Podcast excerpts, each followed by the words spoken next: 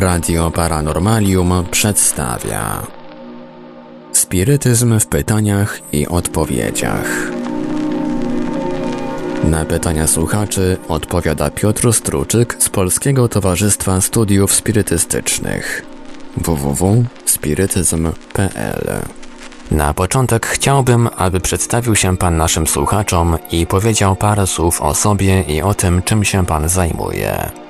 Dzień dobry. Na początek chciałbym podziękować za zaproszenie do odbycia tej rozmowy. Kilka słów o sobie. Cóż, z wykształcenia jestem nauczycielem języka francuskiego, studiowałem filologię romańską, jednak w zawodzie pracowałem bardzo krótko. Przez wiele lat pracowałem w telewizji, realizowałem materiały newsowe dla różnych stacji telewizyjnych, prowadziłem własny portal internetowy, pracowałem dla innych portali. Od wielu lat jestem realizatorem filmowym, tworzyłem filmy niezależne i ogólnie no to taka, taki, taki trochę żywot, prowadziłem żywot filmowy filmowca, człowieka, który tam pisał różne artykuły, który właśnie publikował w internecie rozmaite materiały, ale od dwóch lat mniej więcej mieszkam we Francji, porzuciłem świat mediów i powróciłem w pewnym sensie do pracy z młodzieżą. Aktualnie pracuję w szkole, jestem takim wychowawcą. Moje uprawnienia, które mam w Polsce, nie pozwalają mi we Francji nauczać języka. Organizuję tutaj warsztaty filmowe. Jest to praca, która daje mi dużą satysfakcję, ponieważ jak już już wspomniałem, zanim zacząłem pracować w mediach, pracowałem troszeczkę w edukacji. Wcześniej także pracowałem i w Centrum Kultury, a tak w ogóle to w trakcie mojej pracy w telewizji także organizowałem różnego rodzaju spotkania dla dzieci,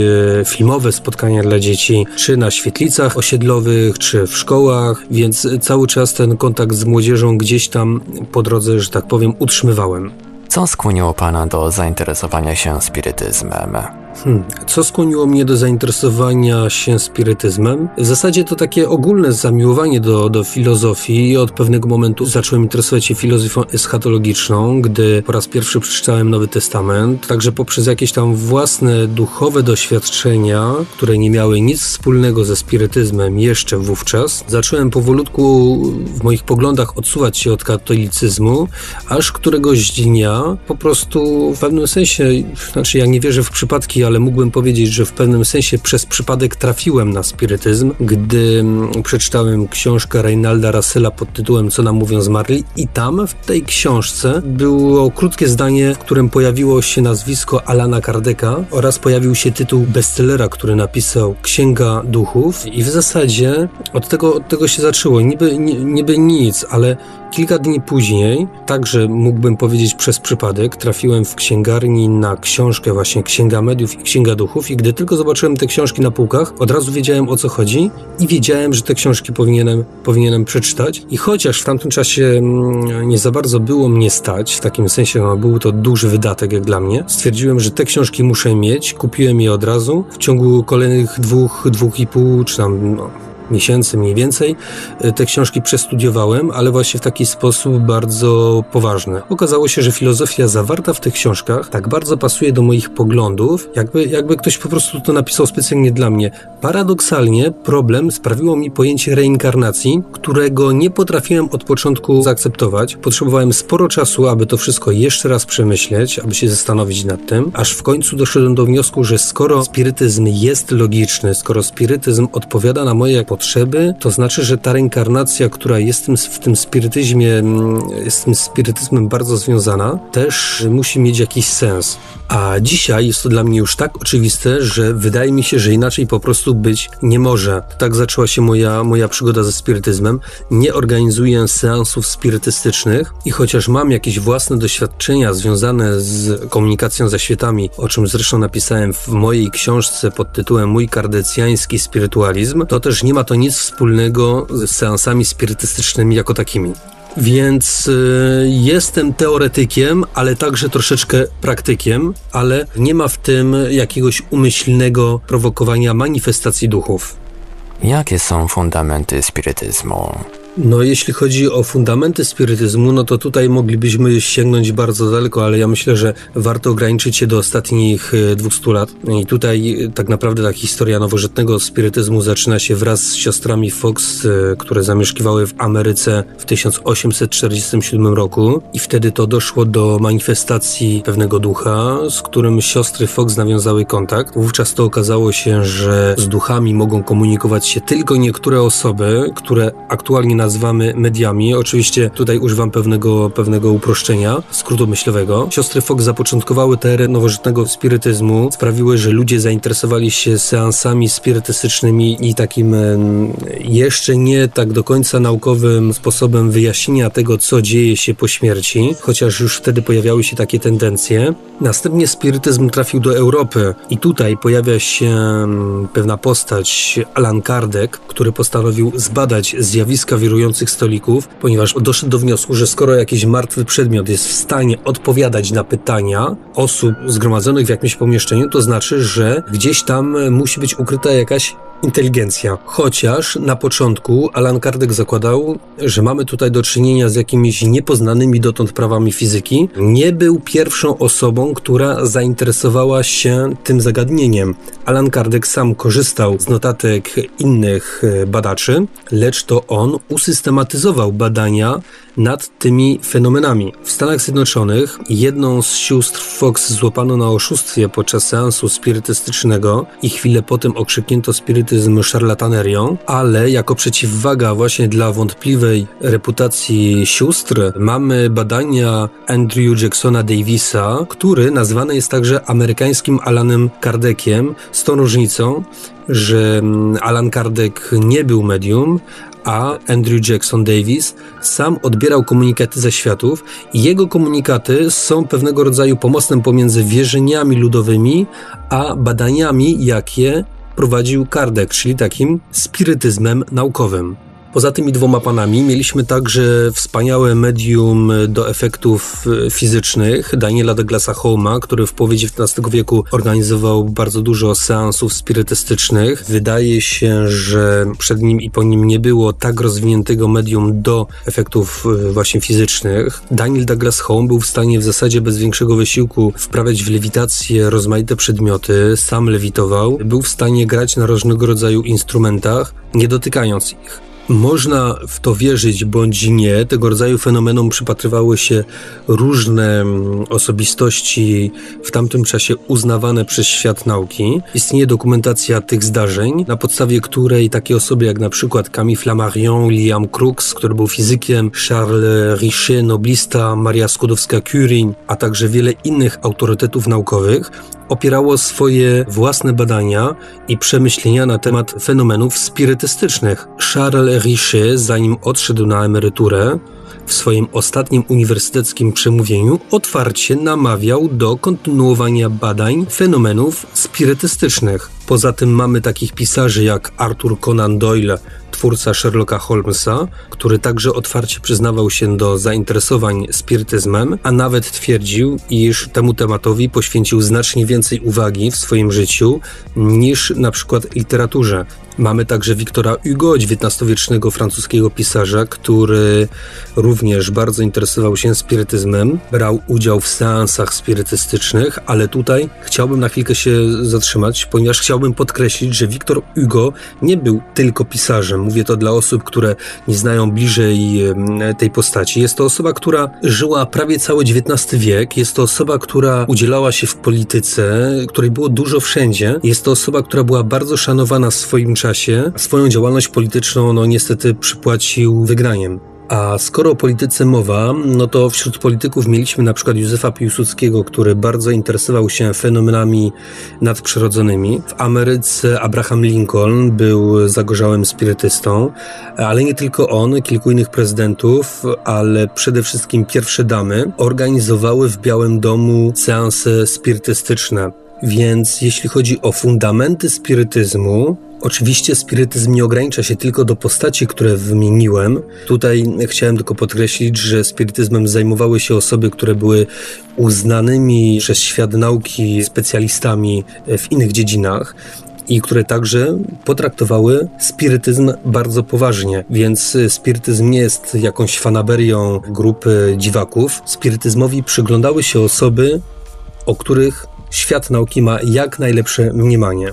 W każdym razie taką absolutną podstawą współczesnego spirytyzmu są dzieła Alana Kardeka, który usystematyzował całą wiedzę spirytystyczną, jaką udało się zebrać do końca jego życia.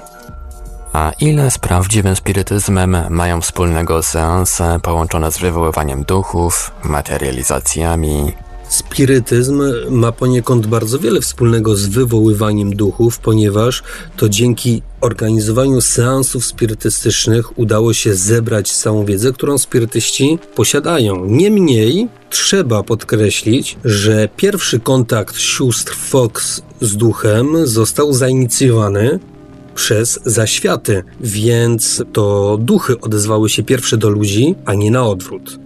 Więc tutaj, jeśli chodzi o początki nowożytnego spirytyzmu, no to rzeczywiście pierwsi spirytyści organizowali dużo seansów spirytystycznych, ponieważ chcieli zdobyć wiedzę, byli ciekawi, skąd to wszystko się bierze, jaką to wszystko ma przyczynę, kto tak naprawdę z nimi rozmawia, a może tak naprawdę chodziłoby tylko o jakieś zwykłe prawo fizyki, może jakieś pole magnetyczne. Chcieli się dowiedzieć. Współcześni spirytyści nie organizują seansów spirytystycznych, chyba że mamy do czynienia z medium, który już we wczesnych latach swojego życia zaobserwował rozwój zdolności mediumicznych, więc takie media często muszą właśnie ograniczać swój e, kontakt z duchami po to, aby móc równocześnie prowadzić normalne życie więc nie muszą zasiadać wokół stołów i specjalnie wywoływać takiego czy innego ducha. Te duchy po prostu przychodzą do nich same. Współcześnie wychodzimy także z założenia, że aktualna wiedza spirytystyczna jest na tyle rozwinięta, że nie trzeba tych seansów organizować, ponieważ wszelkie podstawy i,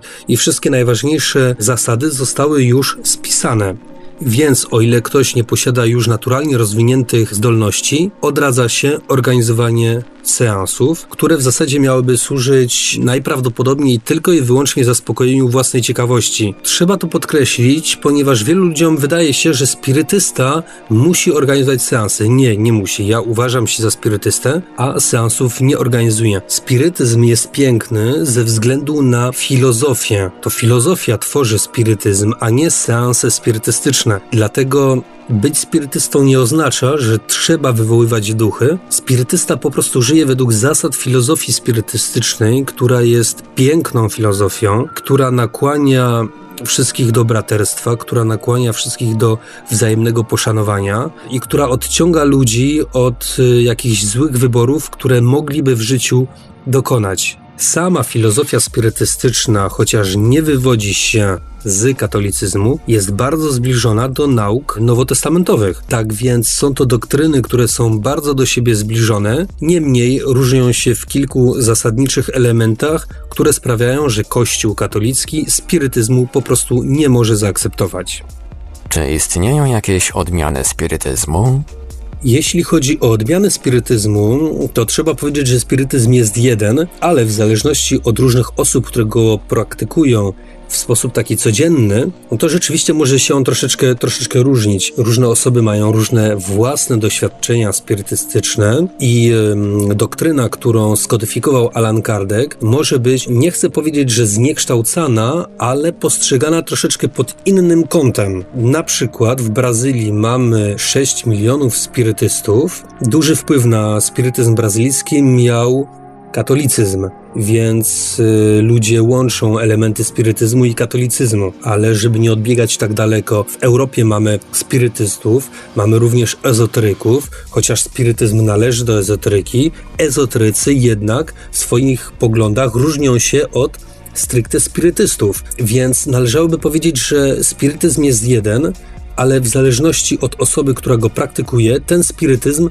może się troszeczkę zmieniać. Jako przykład mogę podać siebie. Z jednej strony uważam się za spirytystę, gdzie Księga Duchów wyznacza mi jakąś drogę, wyznacza mi jakiś kierunek w życiu, ale równocześnie nie stronię od literatury katolickiej, interesuję się troszeczkę szeroko pojmowaną ezoteryką i po prostu dostrzegam wspólne elementy w tych wszystkich, no nie wiem, wierzeniach, że tak powiem, dogmatach, przekonaniach, ale jednak to właśnie książki Alana Kardeka sprawiają, że nie oddalam się za bardzo w prawo ani za bardzo w lewo. Udaje mi się utrzymać jakąś spójność w moich poglądach.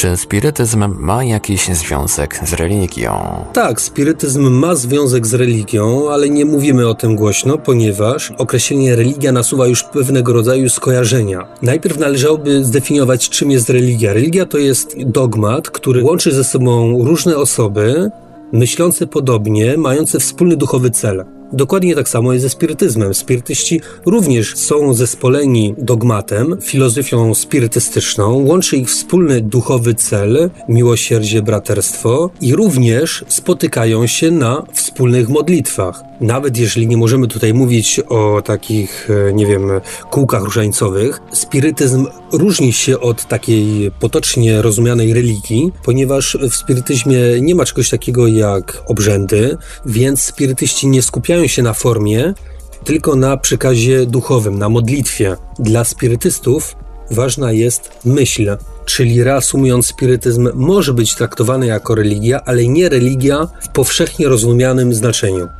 Czy w spirytyzmie jest miejsce dla postaci takich jak Jezus Chrystus czy prorok Mahomet? Ja bym nie stawiał na jednym poziomie Chrystusa i Mahometa, ponieważ Chrystus nawracał miłością, nawracał słowem, a Mahomet mieczem, więc to są dwie skrajne tak naprawdę e, postawy. Czy jest miejsce w spirytyzmie dla tych postaci? Dla Jezusa jest jak najbardziej. Filozofia spirytystyczna jest bardzo zbliżona do nauk chrystusowych. Zresztą spirytyści bardzo często powołują się na autorytet Chrystusa, ponieważ moralność Chrystusowa jest moralnością chyba naj, najwyższą, jaką zaprezentował reprezentował jakikolwiek człowiek żyjący na, na ziemi, czego niestety nie można powiedzieć o proroku Mahomecie. Oczywiście w Koranie poświęcono dużo miejsca miłosierdziu Bożemu, sprawiedliwości Bożej, ale jeśli chodzi o Mahometa, to ja osobiście nie widzę za bardzo dla niego miejsca w spirytyzmie, chyba że jako człowieka, który po prostu musi jeszcze sporo swoich win